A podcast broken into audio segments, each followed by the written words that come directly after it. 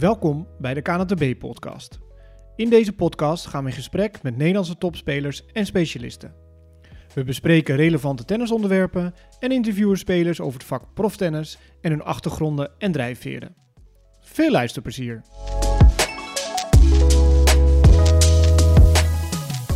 Leuk dat je luistert of kijkt naar de KNTB-podcast. Mijn naam is Stefan Kok en ik mag de host zijn in deze podcast over tennis en alles wat daarbij komt kijken. Vandaag ga ik in gesprek met de tennisser van het jaar 2021.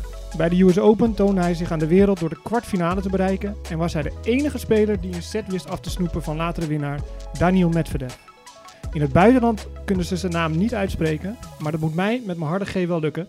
Tegenover mij zit Botik van der Zandschulp. Ja, je naam is in het ding, wel een dingetje in het buitenland, hè? Ja, het is niet even makkelijk voor, voor iedereen om het uit te spreken. Eerst begon het eigenlijk met de scheidsrechters die altijd vroegen van uh, hoe moet ik nou je naam uitspreken. Blijf ik nog steeds, uh, die vraag komt nog steeds binnen. Ik moet heel eerlijk zeggen, ik hoor het niet eens meer als ze mijn naam uitspreken. Ik luister niet eens meer naar. En uh, ja, ik geloof het wel hoe ze hem uitspreken. Ja, nou ja, ik heet Stefan Kok en dat is in het Engels ook niet altijd even prettig. Nee, snap ik. Hey, we zitten hier in het uh, KNTB-pand, in een ja, Tom Okker-kamer. Heb je iets met geschiedenis van tennis? Of vind je dat mooi om te zien? Um, ja, ik vind het leuk om te zien. Uh, ik moet heel eerlijk zeggen, ik heb Tom Okker nooit echt zien, uh, zien spelen. Of ook nooit echt beelden van, uh, beelden van gezien. dat is net iets te ver voor, mm -hmm. ja, voor, me, voor mijn memory. En maar ja, het is zeker, ik denk misschien wel een van de beste Nederlandse tennis die we ooit gehad hebben. Ja, ja, ja absoluut. Ja, de Flying Dutchman. Um, wil je eigenlijk altijd al proftennisser worden? Of wilde je eerder brandweerman of dierenarts worden? Hoe was dat als kleine botik? Nou, ik begon eigenlijk redelijk vroeg met tennissen, toen ik ongeveer drie of vier was. Werd ik vaak naar de tennisbaan meegesleept door, door mijn moeder die tenniste en mijn broer tenniste ook. Dus in het weekend was het vaak dat we op de tennisbaan zaten met competitie. En door de week dat mijn broer aan het trainen was. Dus uh, ja, het is een soort van met de paplepel ingegoten. En heeft jouw broer, hoeveel ouder is hij? Mijn broer is drie jaar ouder. Heeft hij net zoveel talent als jij gehad? Uh, ja, mijn broer zat ook bij de KNTB. En toen hij volgens mij, hoe werkte dat systeem ook alweer? Volgens mij toen naar... Districtstrainingen bedoel je? Districts en toen mocht je naar instroom A en B ja. had je. En toen mocht hij naar het laatste jaar volgens mij. En toen uh, zei hij van, ik heb er geen zin meer in. En uh, ik stop met tennis, ik ga een andere sport doen. Maar eigenlijk heeft hij met alles wat hij doet met sport, heeft hij wel aanleg voor. Dus uh, ja, ik was okay. wel benieuwd eigenlijk hoe ver die had kunnen komen. En je moeder, je tenniste dus ook al? Ook fanatiek? Of ja, mijn moeder, was, mijn moeder was een, ja, was een drietje in de, in de... Ja, ze dubbelde vaak alleen. Okay. Een drietje in de dubbel. En je vader, hoe, zit hij? Kom je echt uit een topsportfamilie of een sportfamilie? Mm, nee, dat valt. Nee, nee mijn vader eigenlijk uh, niet. Die werkte alleen maar. Of ja, nog steeds. En uh, ja, die deed niet echt aan, uh, aan sport. Dat was meer bij mijn moeder en, en mijn broer de kant. Oké, okay, en heb je nog andere sporten gedaan naast het tennis? Of was het eigenlijk al vanaf, nou, je zegt drie, vier jaar oud, alleen maar tennis, tennis, tennis? Ik heb vroeger nog atletiek gedaan ook. Oké, okay, en had je daar ook nog specialisatie in? Kon goed bal gooien en uh, sprinten was ik op zich goed in. Oké, okay, dus 100 meter? 100 meter. Uh, op die leeftijd liep ik er misschien wel redelijk snel. nu? nu? Nu zal dat niks voorstellen hoor, maar uh, ja, op die leeftijd denk ik dat ik hem best goed liep.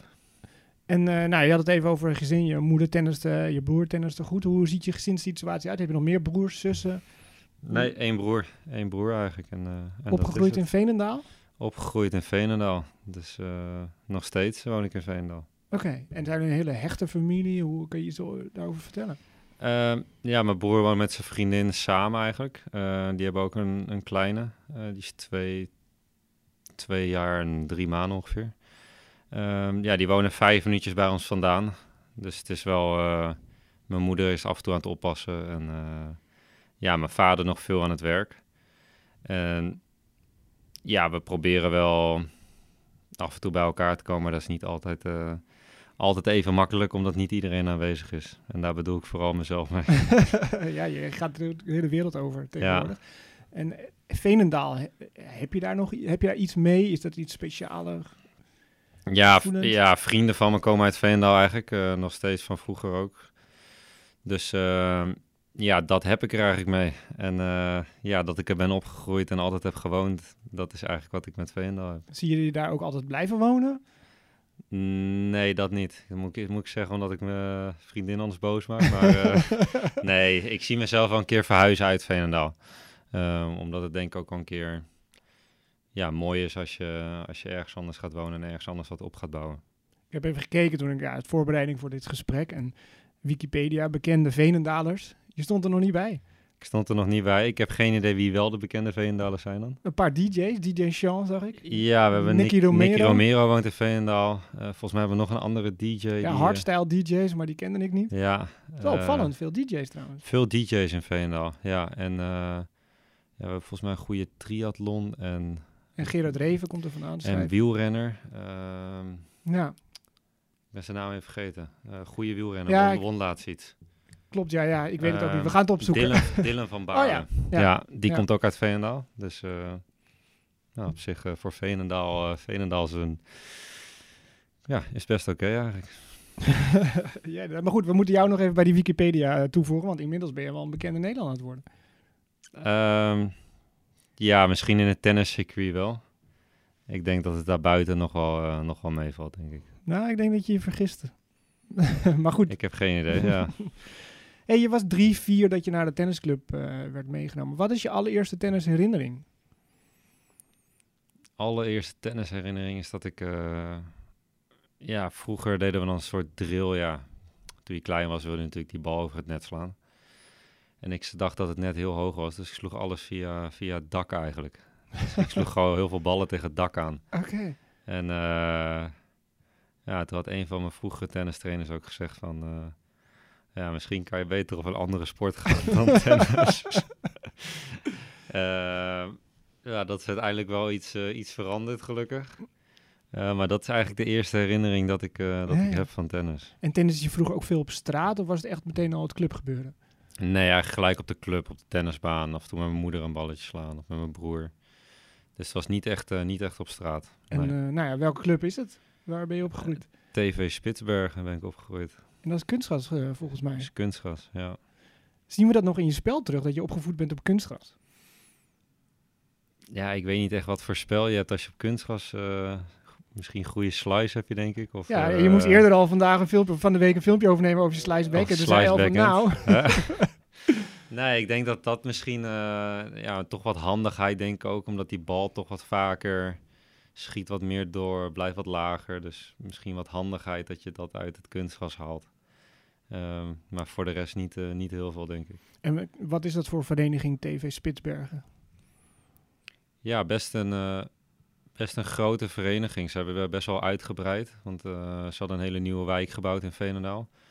Toen hebben ze daar eigenlijk nog een aantal extra tennisbanen neergelegd.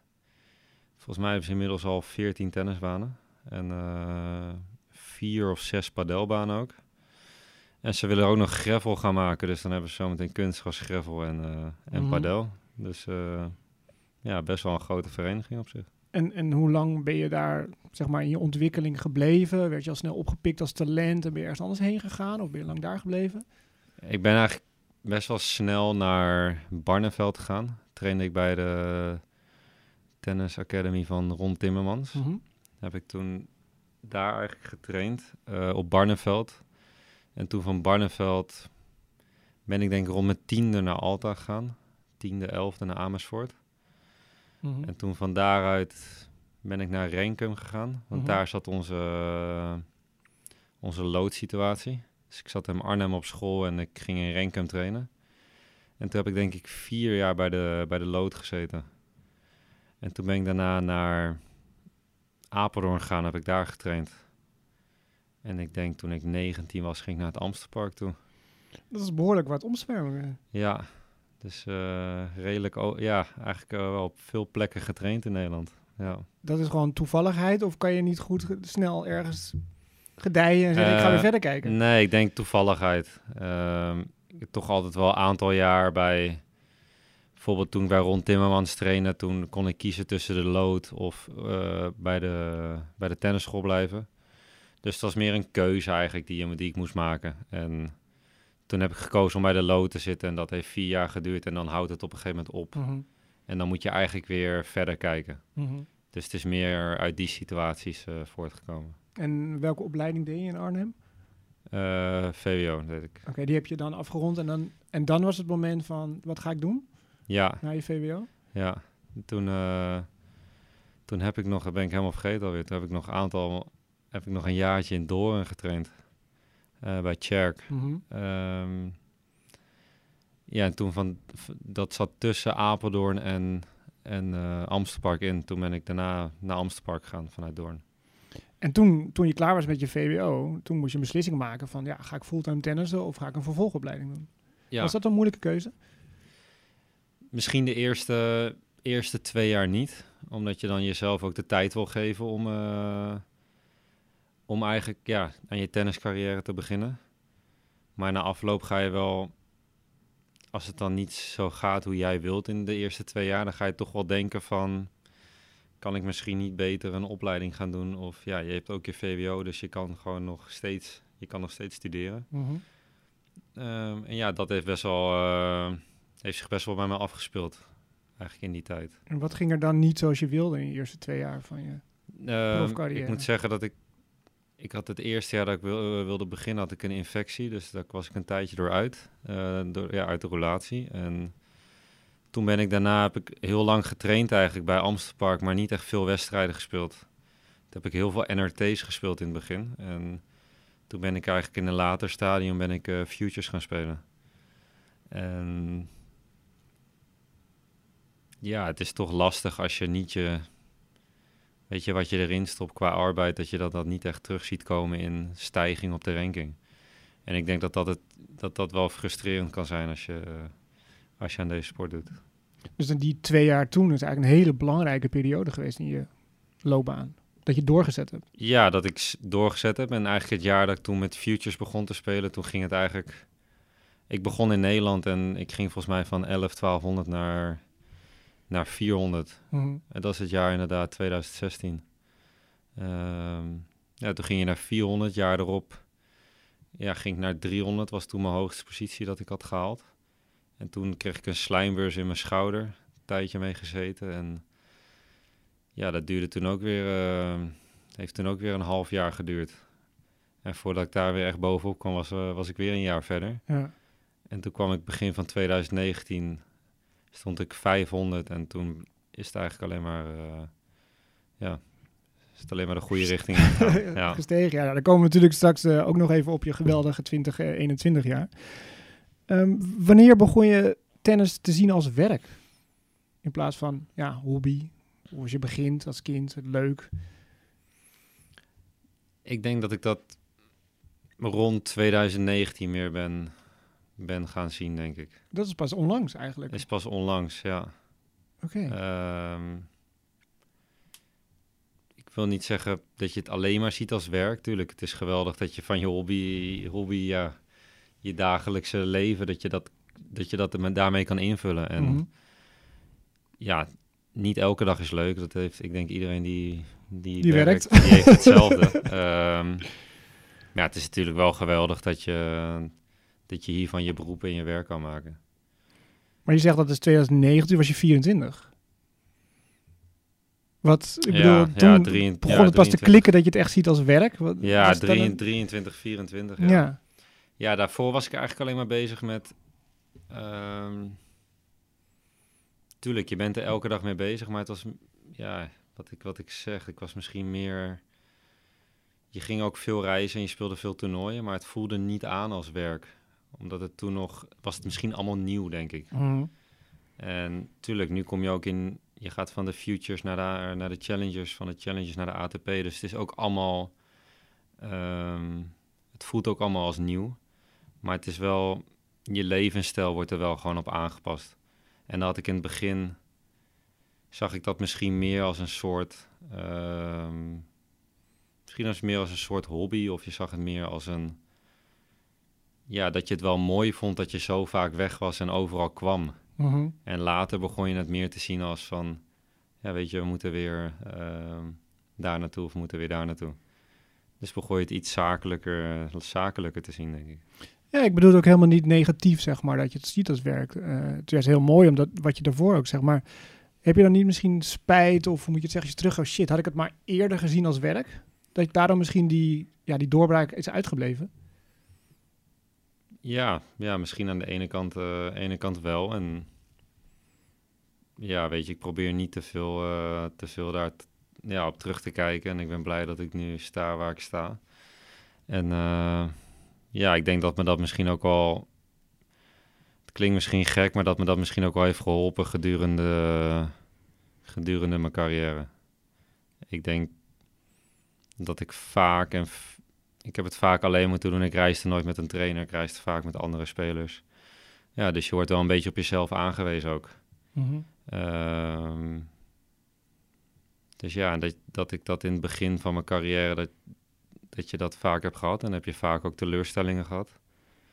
En ik denk dat ik misschien die teleurstellingen ook nodig had om, om daarvan een betere, betere tennisser te worden. En misschien ook een, een beter persoon van te worden. En wat is het moeilijke aan je werk? Ja, je krijgt elke week bijna met een teleurstelling te maken. Ehm, weet je, er is altijd maar één iemand die het toernooi wint. Mhm. Er zijn minimaal 31 eh, verliezers. Ja, minimaal 31 verliezers. En eh, ja, weet je, ook al hou je de finale, je baalt toch dat je... In ieder geval, zo kijk ik ernaar. Je baalt van de wedstrijd die je verliest. Mhm. En ja, dat is voor mij geldt dat op elk podium zo. En het maakt niet uit. Het is bij mij heel erg dat, dat het dan tijd nodig heeft om te, dat ik kan zien van hoe goed het eigenlijk is wat ik dat toernooi bereikt heb. Maar ja, je kijkt altijd maar naar, naar één ding en dat is wat je, dat is wat je minder doet of, of, of wat het Ja. minder is gegaan. Heb je daar in het begin mee gestruggeld met omgaan met verlies? En kan je dat, kan je dat leren? Of hoe? Of Ja. perspectief? Hoe zie je dat? Ja, ik had misschien in het begin dat het te lang doorwerkt als ik verloren had. En ja, ik denk, misschien verloor ik ook niet altijd op de juiste manier. Met de juiste manier bedoel ik dat je, nou, dat je strijdend ten onder bent gegaan Mhm. en dat je er alles aan gedaan hebt. Ehm, en ja, ik kan je vertellen, dat maakt het alleen maar nog frustrerender als je dat niet, eh, niet hebt gedaan.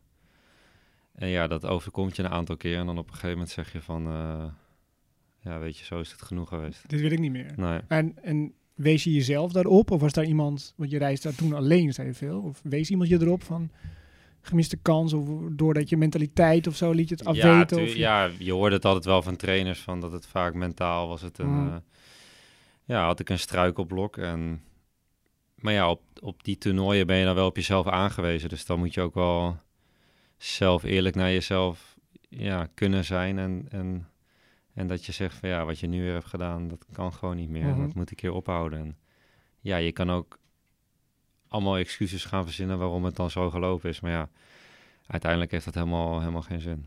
Je hebt alleen jezelf ermee Je hebt natuurlijk. alleen jezelf ermee. Ja. En is verliezen dan meer intens dan winnen? Ik denk dat verliezen langer doordreunt dan, dan winnen, denk ik. Eh, als je een toernooi wint. Kijk, je kan bijvoorbeeld op zondag een toernooi winnen en je moet op dinsdag een nieuw toernooi spelen. En dan verlies je bijvoorbeeld de eerste ronde. Mhm. En het enige waar ik dan aan denk is dat ik de eerste ronde verloren heb. En dan ben ik het hele toernooi winnen al vergeten. Ehm, en dan kijk je na afloop, als je dan bijvoorbeeld een rustperiode hebt of, je, of een trainingsperiode, dan kijk je, dan kijk je daar wel op een goed gevoel naar terug dat je toch een toernooi hebt gewonnen. Maar ja, het is, eh, ja, het is wat ik net zei. Je kijkt alleen naar de. In ieder geval, dat heb ik. Ik kijk naar de dingen die beter kunnen. Nou ja, je zegt wel eens je wint of je leert. Ja. Dat, die verliespartijen maken je natuurlijk ook dat je denkt, hé, hey, waar moet ik veranderen? Wat kan ik beter doen? Wat heb ik niet zo goed gedaan? Zeker. Daar leer je dan weer heel veel van. Zeker. Ja. Mensen kennen je nu vooral van de wedstrijdbaan. Ben je naast de baan hetzelfde of ben je dan anders? Of hoe zou je jezelf omschrijven? Nou, dan is de eerste vraag aan mij: eh, hoe zou jij me omschrijven als ik op de baan sta dan? Ehm, rustig. Qua uiterlijk rustig. Mhm. Ehm, wel het soms een beetje negatief. Eh, soms een beetje cynisch naar jezelf toe. Maar wel eh, willen vechten. Dat blijkt ook uit, uit de uitslagen die je hebt. Een slow starter en dan goed finishen. Ja. Klopt dat een beetje? ja, ik ben naast de baan best wel rustig, maar vooral als ik. Nou, als ik mensen wat langer ken, wat meer vertrouw, dan word ik wel opener en, en dan gaat het allemaal wat meer vanzelf. Ehm, maar het is niet dat ik, als ik in een groep kom of naast de baan, dat het dan allemaal, dat ik het popiopie wil zijn. Of Mhm. dat ik, eh, dan, nee, dan blijf ik ook eigenlijk best wel rustig en, ja, en eigenlijk mezelf. Ehm, maar het is inderdaad, als ik mensen beter leer kennen, meer begin te vertrouwen, dan, ja, dan open ik mezelf wel. Ehm, dus ja, je kan het wel een beetje met elkaar vergelijken. Maar is het, is het daarom misschien ook lastig om op een centekort te staan? Iedereen kijkt naar je en dan heb je je pet op. eh, misschien bewust van, ik wil me een beetje schuilen achter mijn Ehm, petje of zo. Nee, dat is het niet. Dat ik me schuil achter mijn pet, want ik heb het gewoon echt in. Ik moet heel eerlijk zeggen, als ik buiten speel en de zon schijnt, heb ik het echt warm. Ehm, nee, maar ik moet zeggen dat ik. Ik denk dat ik op de centercourts en op de grote banen best wel goed speel eigenlijk. Ehm, ik moet zeggen, het motiveert mij wel om voor meerdere mensen te spelen. Dan, dan dat je op een achter, ach- achterafbaan staat te spelen. Ja. Ehm, dus dan is het juist niet dat ik me wil verschuilen of iets. En dan wil ik gewoon laten zien hoe, ja, Mhm. hoe ik kan tennissen. En ja, ik denk dat me dat de afgelopen keren wel goed gelukt is. Eh, dat zou ik zeker niet bestrijden. Ja. Maar als jij in een kamer binnenkomt waar een feestje is, dan hoef je niet meteen eh, de spotlight Nee, te nee, hebben. dan, nee, dan is het heel, eh, is het heel anders inderdaad. Ja, dus ehm, als tennis en als mens zitten daar toch wel verschillen in dan. Ja, daar zit dan wel, wel inderdaad een verschil, binnen, verschil in. Ik wil graag op een baan staan waar, waar meerdere mensen kijken. En, Heb je dat altijd al gehad, ook als jeugd? Ehm, nou, niet, niet per se de drang om, om, om voor veel mensen te spelen, maar ik denk toch, als het dan een keer zo uitkwam, dat ik altijd wel goed presteerde onder die, onder die druk. Ja, Kiki Bertens speelde het liefst op baan eh, 24 achterin, ook al in, als kind zijn in plaats van het centercourt. Ja, nee, dat is bij mij wel meer andersom, ja. Ik word extra gemotiveerd als er, eh, als er mensen kijken eigenlijk. Ja, nou ja, d- dan gaan we naar de US Open over mensen kijken. Het grootste tennisstadion ter wereld. Ja, jij presteert natuurlijk opperbest. Is er veel veranderd na de US Open voor jou? Ja, ik denk dat, dat er meer, meer aanvragen komen voor, voor media en, en dingetjes zoals, eh, Mhm. zoals deze. en, eh, nee, ja, je krijgt meer aandacht van mensen en het is ook op de tour. Ze beginnen je wat meer te kennen. ehm, weet je, je hebt wat meer conversaties eigenlijk met mensen. En ja, dat is eigenlijk wat, er wat er positief veranderd is. Maar ik denk ook, eh, ja, gigantische sprong gemaakt natuurlijk in je carrière. Je kan nu de toernooi uitkiezen. Eh, het leven is makkelijker geworden misschien? Ja, je zat vroeger wel met de challenges, zat je wel vaak over je schema in en dat je dacht van oké, ik ga dit, dit en dit spelen en dan drie toernooien daar en drie toernooien daar. En nu wordt zo goed als je schema gemaakt eigenlijk voor, voor het jaar. En Hoe bedoel je dat? Het wordt gemaakt voor je? ja, er zijn een paar mandatory toernooien die je moet spelen, zoals het Masters 1000. En daar wil je dan toch je punten halen, omdat Mhm. die verplicht zijn om te spelen. Ehm, dan heb je nog 500's die je natuurlijk graag wil spelen. En dan zou je de keuzes moeten gaan maken of dat je 250's gaat, of dat je welke 250 je speelt. Eh, en of je nog een keer challenges wil gaan spelen. En dat laatste, dat lijkt me niet. Ehm, Een ranking van ze- 57. Nee, op dit moment, op dit moment niet. Ehm, ja, ik heb eigenlijk besloten met Peter van, weet je, je wilt op het ATP-niveau wil je, wil je het hele jaar acteren. Ehm, dus dan wil je ook die toernooien spelen eigenlijk. Dus zeg maar de vier slams, die gaan natuurlijk als eerste in de agenda. Dan plan je dan die Masters 1000 eromheen. En dan die 500, zo kijk je naar je schema. Ja, bijvoorbeeld het schema voor, voor ja, het eerste, eerste kwart is eigenlijk, eh, kwartaal is eigenlijk gemaakt.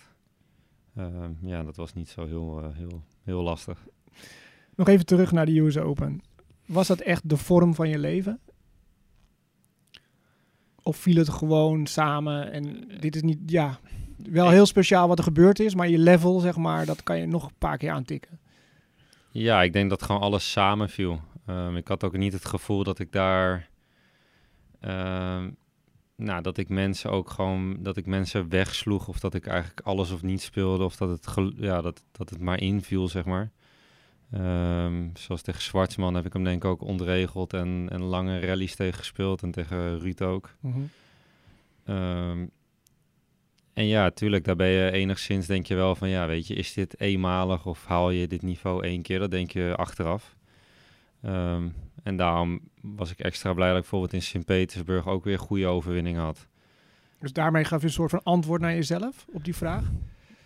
Ja, misschien niet alleen naar mezelf, maar ja, het was wel heel belangrijk voor mezelf. Dat ik daar ook kon laten zien dat het niet eenmalig was. Want kun je beter spelen dan wat je daar speelde in New Eh, York?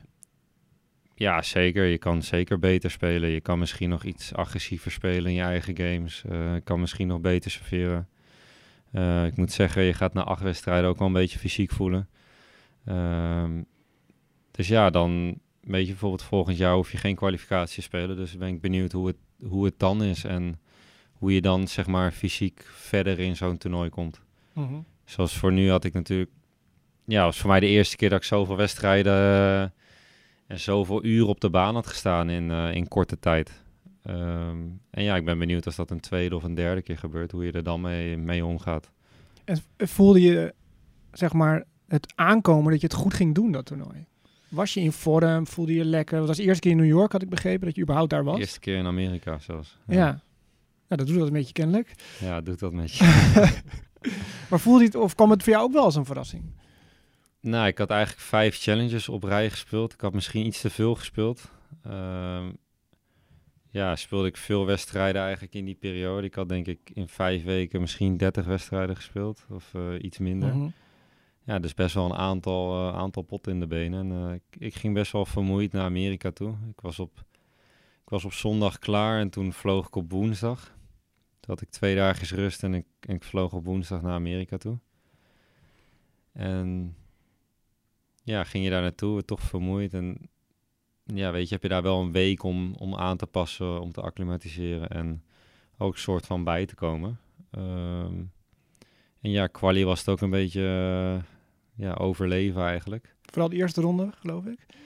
Ja, nou, de, Tweede- vooral de tweede, tweede ronde, ja. tweede, tweede ronde en derde ronde was, eh, was vooral overleven. Ja. En eh, ja, ik denk dat ik dat ook beter ben gaan doen afgelopen jaar. Dat ik veel meer wedstrijden met minder tennis of als ik minder in mijn vel zat. Of je werd wat vermoeider, dat ik dan toch die wedstrijden overleef om jezelf weer, weer een nieuwe kans te geven om eigenlijk ja, beter te spelen, om het beter te doen. En ja, daar geef ik mezelf eigenlijk vier nieuwe kansen om, om de volgende ronde beter te spelen. En dan speel ik tegen Ruud en dan ja, speel ik ineens twee, drie niveaus beter dan ik de, dag ervoor, de twee dagen ervoor speel. Hoe kan dat? Ja, vertrouwen denk ik. Vertrouwen en ja, geloof in jezelf hebben denk ik ook. Want vorm, dat is natuurlijk een heel raar begrip eigenlijk. Wat is dat eigenlijk, vorm? Ja, vorm is soort van als alles vanzelf gaat en, en dat je niet over dingen hoeft na te denken. Ehm, als jij bijvoorbeeld, ja, ik noem maar wat, als je serveert en je krijgt een eerste bal en het is een halve bal, dat je, ja, dat je die bal gewoon wegslaat eigenlijk. En dat je denkt van ja, geef er nog maar een paar, ehm, Mhm. ik sla ze weg. En ja, als je geen vertrouwen hebt, ga je toch nadenken van, oh, hoe moet ik die bal spelen? Waar moet ik hem spelen? Hoe hard moet ik hem slaan? Ja, nou, ik denk dat het vooral meer is dat je niet hoeft na te denken en dat het Dat je soort van op je spiergeheugen Ja, een soort van op de automatische piloot speelt. Ja. Ehm, en als je gaat nadenken, dan denk ik dat je niet, eh, niet heel lekker in je vel zit. Want tennis is echt een mentaal spel. Ehm, ja, heel erg mentaal en fysiek, denk ik. Wat mensen. eh, ik denk vooral heel erg fysiek ook. Ik ben heel erg van mening dat dat ook heel erg samenhangt, fysiek en mentaal. Als jij het gevoel hebt dat je, dat je zes uur lang kan rennen en dat je elke bal kan halen, dan geef je dat wel een bepaalde rust van, ja, weet je, maakt niet uit wat er gebeurt. Ehm, ik kan die ballen halen en ik kan ze, ik kan ze terugslaan, dus je moet ze echt door me heen slaan, soort van. En ja, ik denk dat het tennis over de jaren heen zoveel meer bewegen is geworden. Als je ziet hoe ongelooflijk goed iedereen beweegt deze dagen. Als je bijvoorbeeld kijkt naar Sferen, Tsitsipas, die jongens zijn zo lang, maar als je ze ziet bewegen, denk je van wat zijn ze snel en hoe goed bewegen ze. Ehm, dus ik denk dat dat ja, veel belangrijker is geworden. Nou ja, met je atletiek achtergrond. Ja, dat was in het begin, eh, heb ik net van jou gehoord, eh, niet zo te merken, maar eh, is, is, gelo- is afgelopen jaren een stuk beter geworden. daar dat kan ook aan, zal zeker aan mij liggen. Maar we hadden het even voor deze opname over dat je zag spelen de NK in 2016 dat je won van Robin Haas in die finale. En eigenlijk toen een beetje toonde aan Nederland wat je allemaal kan. Ja. En dat ik dan tegen jou zei van dat je je nog niet zo goed vond bewegen als dat je nu doet. Nee. Maar daar heb je wel stappen in gemaakt, dat gaf je ook toe. nee, zeker. Ja, afgelopen jaar veel stappen in gemaakt en eh, Ja. veel beter in geworden. Maar ook mentaal eh, stappen gemaakt.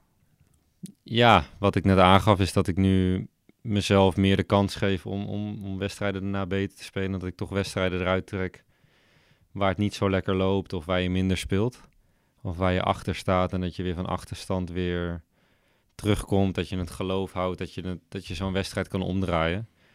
En ik denk dat dat veel beter is geworden bij mij in de afgelopen jaren. Is dat ook omdat je hebt bewezen dat het, dat het is gelukt? Ja, tuurlijk. Het is. Ik denk als je als tennisser. Kijk, stel jij staat 100 van de wereld en je wint van iemand die 20 staat. Dan geeft het je toch een bepaalde boost. En hetzelfde is als je 1000 staat en je wint van iemand die 500 staat. Dan krijg je toch een bepaalde boost van, weet je, ik kan dat ook, ik kan dat ook halen. Ehm, ik kan ook van zulke jongens winnen. En ja, dat geeft je dan wel een soort van rust en dat je een soort van zelfvertrouwen ook al, ja, weet je, sta je eigenlijk achter. En wat dat betreft eh, ga je nu een andere fase in. Want jij staat nu nou, top 60. Dus er, wordt nu naar je gekeken door andere jongens van... hey, als ik van Botik eventueel kan winnen, dan kan ik misschien ook dat halen. Brengt dat een andere dynamiek voor jou? Ja, tuurlijk, de rollen zijn misschien nu een beetje omgedraaid.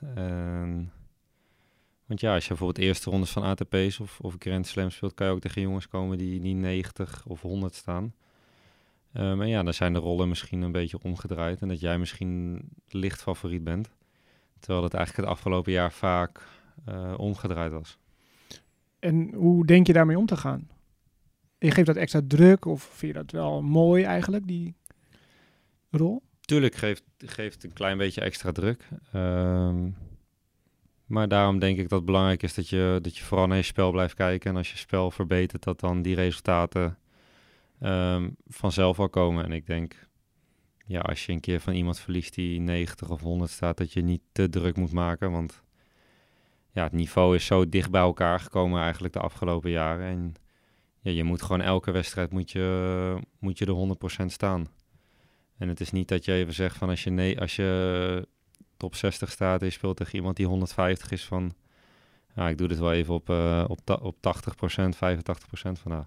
Ja, dat gaat niet Dat, gebeuren. nee, dat zit er gewoon niet in deze Nee. dagen. Maar de mensen gaan wel een oordeel over je vellen nu. Van, hé, hey, hij verliest van de nummer 90 of zo. Hoe is dat om beoordeeld te worden door, ja, Ja, ik probeer me daar heel erg afzijdig van te houden eigenlijk. En niet, eh, niet, heel, ja, niet heel druk mee bezig te zijn ook. Want er zullen altijd mensen zijn die een oordeel over je hebben. En ja, in Nederland is dat ook best wel vaak een negatief oordeel. Ehm, en eh, ja, ik probeer daar niet heel veel naar te kijken. lees je veel, hoor je veel of sluit je daar vanaf? Of, of helemaal Nou, niet, is- sta je ervoor open? Ik, ik moet heel eerlijk zeggen, ik lees eigenlijk niet echt de stukken. Ik kijk er niet zelf naar. Ik krijg het wel eens doorgestuurd van, ja, van bekenden eigenlijk.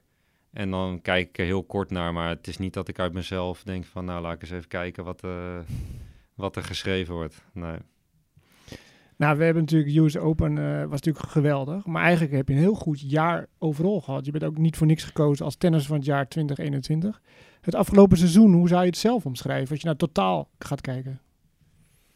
Ehm, ja, ik denk dat ik heel erg goed het jaar begon. Eh, ik begon in Doha.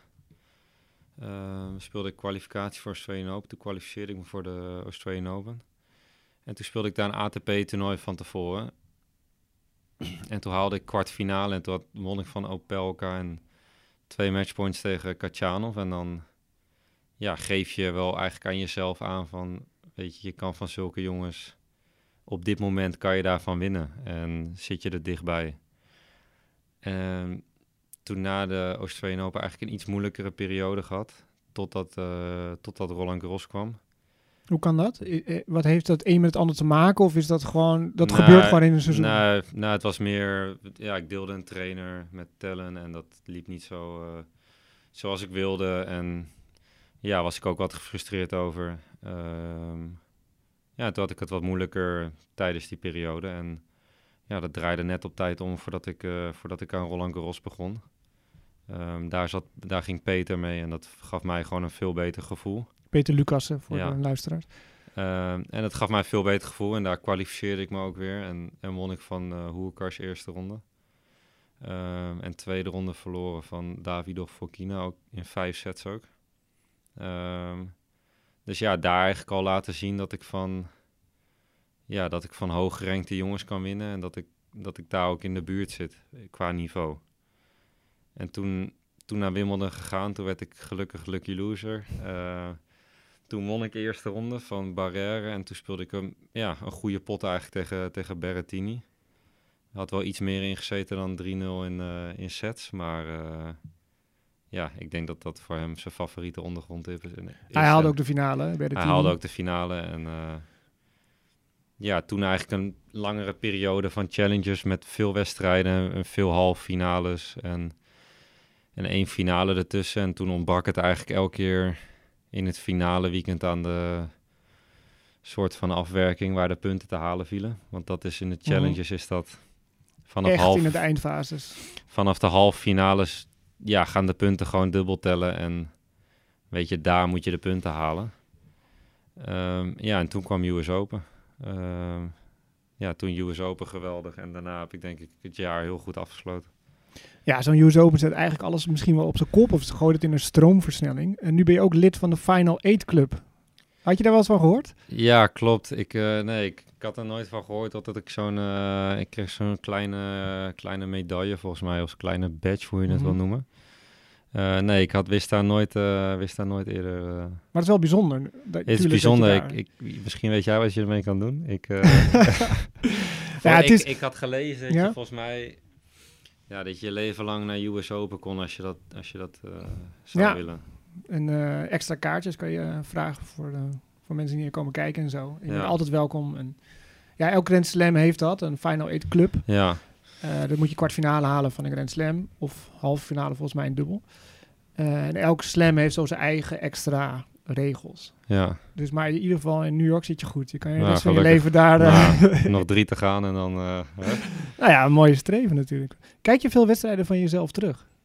Vraag me af. Zo'n New, zo'n New York, heb je dat teruggekeken? Ja, eigenlijk al. Ja, ik kijk bijna altijd mijn wedstrijden wel terug.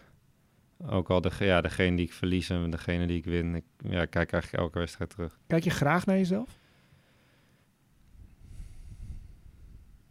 Als ik gewonnen heb, ja, is dat makkelijker kijken. Maar eh, ja, nee, juist de wedstrijden die je verliest zijn goed om, eh, goed om te bekijken. Eh, het is wel vaak apart. Het voelt wel heel anders dan, dan dat je het zo ziet van de buitenkant. Want dan denk je af en toe van, ik speelde verschrikkelijk vandaag. En dan Mhm. kijk je terug en dan denk je van, ah, eigenlijk valt het best wel mee. Ehm, Dat heb je meer dan andersom? Dan denk je, wauw, ik speelde geweldig en dan keek je, oh, Nee, nee, als ik, nee, nee, nooit eigenlijk andersom. Nee. Nee. het is meer dat je denkt van, oh, ik speel niet zo goed. En dat je dan terugkijkt dat je denkt van, ja, weet je, het viel eigenlijk gewoon mee. Dus ik weet niet waar ik over liep te zeuren eigenlijk. ja, ja. Ehm, nee, maar ja, dan kan je altijd juiste dingen uithalen. En, en dat is ook makkelijker voor trainers als ze bijvoorbeeld iets willen laten zien. Of ja, dat is tegenwoordig allemaal mogelijk om alles... eh, En ben jij een persoon die dan in discussie gaat met je trainer? Van, nee, maar kijk dit of dat. Of neem je het aan? Wat voor persoon ben jij? Nou, als hij het goed onderbouwt, dan neem ik het aan. Maar eh, het is wel... Ik vind dat discussie wel vaak tot iets goeds kan leiden. Als ik ook ja, aangeef hoe ik me voel en hoe ik daar... Hoe ik daar... Ja, hoe ik daar ook in sta. En ehm, ja, is niet altijd terecht wat ik doe, maar Hm. eh, als ik het terecht doe, dan, dan brengt het vaak wel iets goed. Ja, want kennelijk hoe jij het zelf beleeft op de baan. En als je terugkijkt, zoals wij analytisch zeg maar, is heel anders. kan anders zijn. laat Ja, kan zeker anders zijn, ja. ja. En dat is af en toe waar ik mezelf... eh, ja, dat ik tijdens wedstrijden dan iets meer moet denken van... Nou, weet je, het valt allemaal wel mee. En, eh, Niet te streng voor jezelf Niet te zijn. streng voor maar ook weer niet te makkelijk voor jezelf zijn natuurlijk. Nee, dat is topsport. klopt, ja, ik ben heel erg perfectionistisch. En ja, dat is aan de ene kant iets goeds... maar aan de andere kant kan het je af en toe ook in, eh, in de weg staan. En eh, ja, die momenten komen ook vaak genoeg voor. En zo'n... Het is een wedstrijddag. Later op de dag moet je een wedstrijd spelen. Sta je dan 's ochtends anders op met een ander gevoel dan dat het dan door de week gewoon een normale maandag is? Ehm, kriebelt het? Ben je nerveus? Ja, je bent niet, eigenlijk de hele dag ben je met zo'n wedstrijd bezig. En eh, het is eigenlijk als je traint, dan is het een soort... Nou, ik wil niet zeggen dat het een ontspannen dag is, maar ja, als- je heel veel wedstrijden speelt en je hebt een keer een trainingsdag tussendoor, denk je van, nou, weet je, een soort van een Ja. rustdag bijna. Ehm, Een mentale rustdag misschien. ja, mentale rustdag misschien. En, want het is als je s'avonds speelt, dan sta je op en je bent de hele dag ben je met je wedstrijd bezig. Ehm, Is dat een lekker gevoel? Ja, op zich wel. Eh, maar het kan bijvoorbeeld ook wel een lange... Bijvoorbeeld op Grand Slams kan het echt een lange sit worden. Als je laat speelt. Mhm.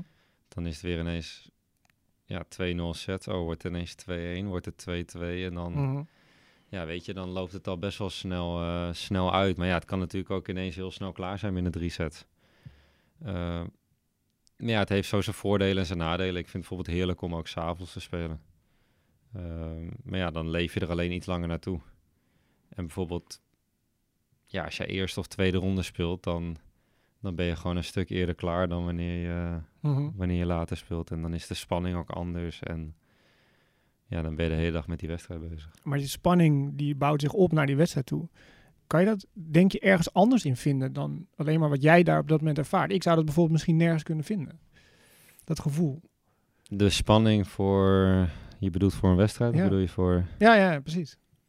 Ja, het is natuurlijk ook iets, iets verslavends op een gegeven moment. Als je, ja, als je spannende wedstrijden wint, er is denk ik geen, eh, geen lekkerder gevoel en mooier gevoel dan dat. Ehm, als jij vijfde set eh 7-5 wint, ja, weet je, dan is het zo... eh, is het beste gevoel wat je kan hebben, denk ik. Maar ik denk als je 7-5 verliest, dat je wel even... Het slechtste gevoel wat je kan je het bedenken. slechtste gevoel wat je kan bedenken. En is dat ook een kick? Is dat ook waarvoor je het doet, zeg maar? ja, je doet het eigenlijk voor die momenten. Het is, het is heel anders dan wanneer je eh, 6-1, 6-1 wint en dat je denkt van, nou weet je, eh, easy day at the office. Mhm. Ja, weet je, dat is, Dus 7-5 vijfde winnen is fijner dan 6-1, 6-1, 6-1? ligt eraan hoe je voelt, hoe je, eh, hoe je daarna voelt en welke wedstrijd het is. Als jij de finale 7-5 derde, 7-5 vijfde wint, ja, is dat wel lekkerder dan wanneer je 6-1, 6-1, 6-1 wint, denk ik. En dan is het 5-5 vijfde set. Ben je dan een coole kikker? Of gaat het onder het petje, gaat het ook alle kanten op? Want je het altijd heel rustig. Ehm, Is dat schijn of is dat echt? Nou, je probeert je wel zo rustig mogelijk te houden en de juiste beslissingen maken op, op die momenten. En eh, ja, ik denk dat iedereen daar spanning heeft. Het zou anders ook niet, eh, niet gezond zijn, denk ik, als je, als je dat niet zou hebben. Dat denk ik dat je dat nergens anders in een maatschappelijke carrière kan vinden. Wat je daar op die momenten kan vinden. Heb je een bepaald beeld van jezelf? Ik wil een hele lange carrière tegemoet. Heb je dat over nagedacht? Of Ja, zeg je ik- van, nou weet je, over acht zou- jaar... Ik zou gewoon graag willen, willen doorspelen als ik me fysiek gewoon goed zou voelen. En als ik, als ik oprecht het gevoel heb dat ik denk van, weet je, ik kan gewoon nog echt goed spelen. En ik wil, ik kan ook gewoon nog concurreren met jongens die op dat moment rond dezelfde ranking staan. Ehm, en een ranking waar jij mee tevreden bent. Ik denk dat dat heel belangrijk is. Eh, natuurlijk, als je ouder wordt, wordt het misschien is het allemaal net een stukje trager of wordt het allemaal net een stukje lastiger. Ehm, maar ja, ik zou graag doorspelen tot wanneer het zou kunnen. Maar tot 40, zoals Federer, Nou, Serena. Ik moet zeggen, 40 vind ik wel heel erg, eh, heel erg opportunistisch. Maar eh, nee, ik zou het zeker tot mijn 35ste willen spelen als dat, als dat fysiek mogelijk is. Maar eigenlijk begint het misschien nu pas voor je. Voor mij begint het misschien nu pas. Dus Je ja, weet je, dan je, 26. ja, heb je negen mooie jaren voor je. Voel je dat En echt zo? dan- wel, misschien wel tien mooie jaren. Je voelt het ook echt zo van, nou, ik heb het voorwerk allemaal gedaan. Ik ben er doorheen geknokt, de challengers. Nou, uitschieter, US Open. Nu kan ik mijn goede schema maken. Nu kan ik bij die topjongens mee. Nu gaat het echt beginnen. Ja, dit is wel waarvoor je het altijd gedaan hebt natuurlijk. En hier wil je eigenlijk ja, je hele carrière staan en misschien wel hoger ook. Ehm, dus ja, op die manier voelt het dan wel als een soort begin. En heb je doelen gesteld voor 2022? Ja, wel een aantal doelen gesteld. Ehm, ja, mijn, korte te- ja, mijn eerste doel is eigenlijk op dit moment top 50, eh, top 50 halen. Ehm, maar ja, ik ben ook realistisch en ik denk ook van... weet je, het is weer een nieuwe tour. Je gaat veel minder wedstrijden spelen dan op de Challenger Tour. Ehm, ja, dus ik denk als je volgend jaar met deze ranking weer eindigt, denk ik dat je ook een heel erg goed jaar hebt gehad.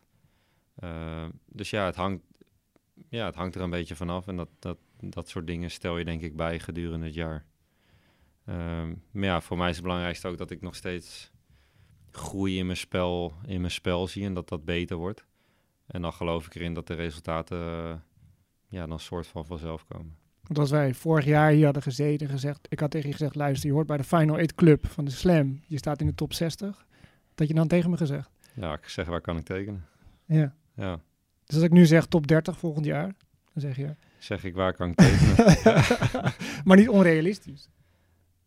Nee, ik denk dat ik heb laten zien dat ik, dat ik van, van jongens kan winnen die, die top 30 staan. En dat heb ik een aantal keer laten zien. Um, maar ja, het is zaak dat je heel constant door het jaar heen wordt. En ja, dat is nu waar ik, uh, waar ik naartoe aan het werken ben. Dankjewel voor je tijd en je drukke schema. En ik wens je heel veel succes in de toekomst. Dankjewel. En dat ja, we nog heel veel van je mogen gaan genieten. Ik ga mijn best doen. Goed zo.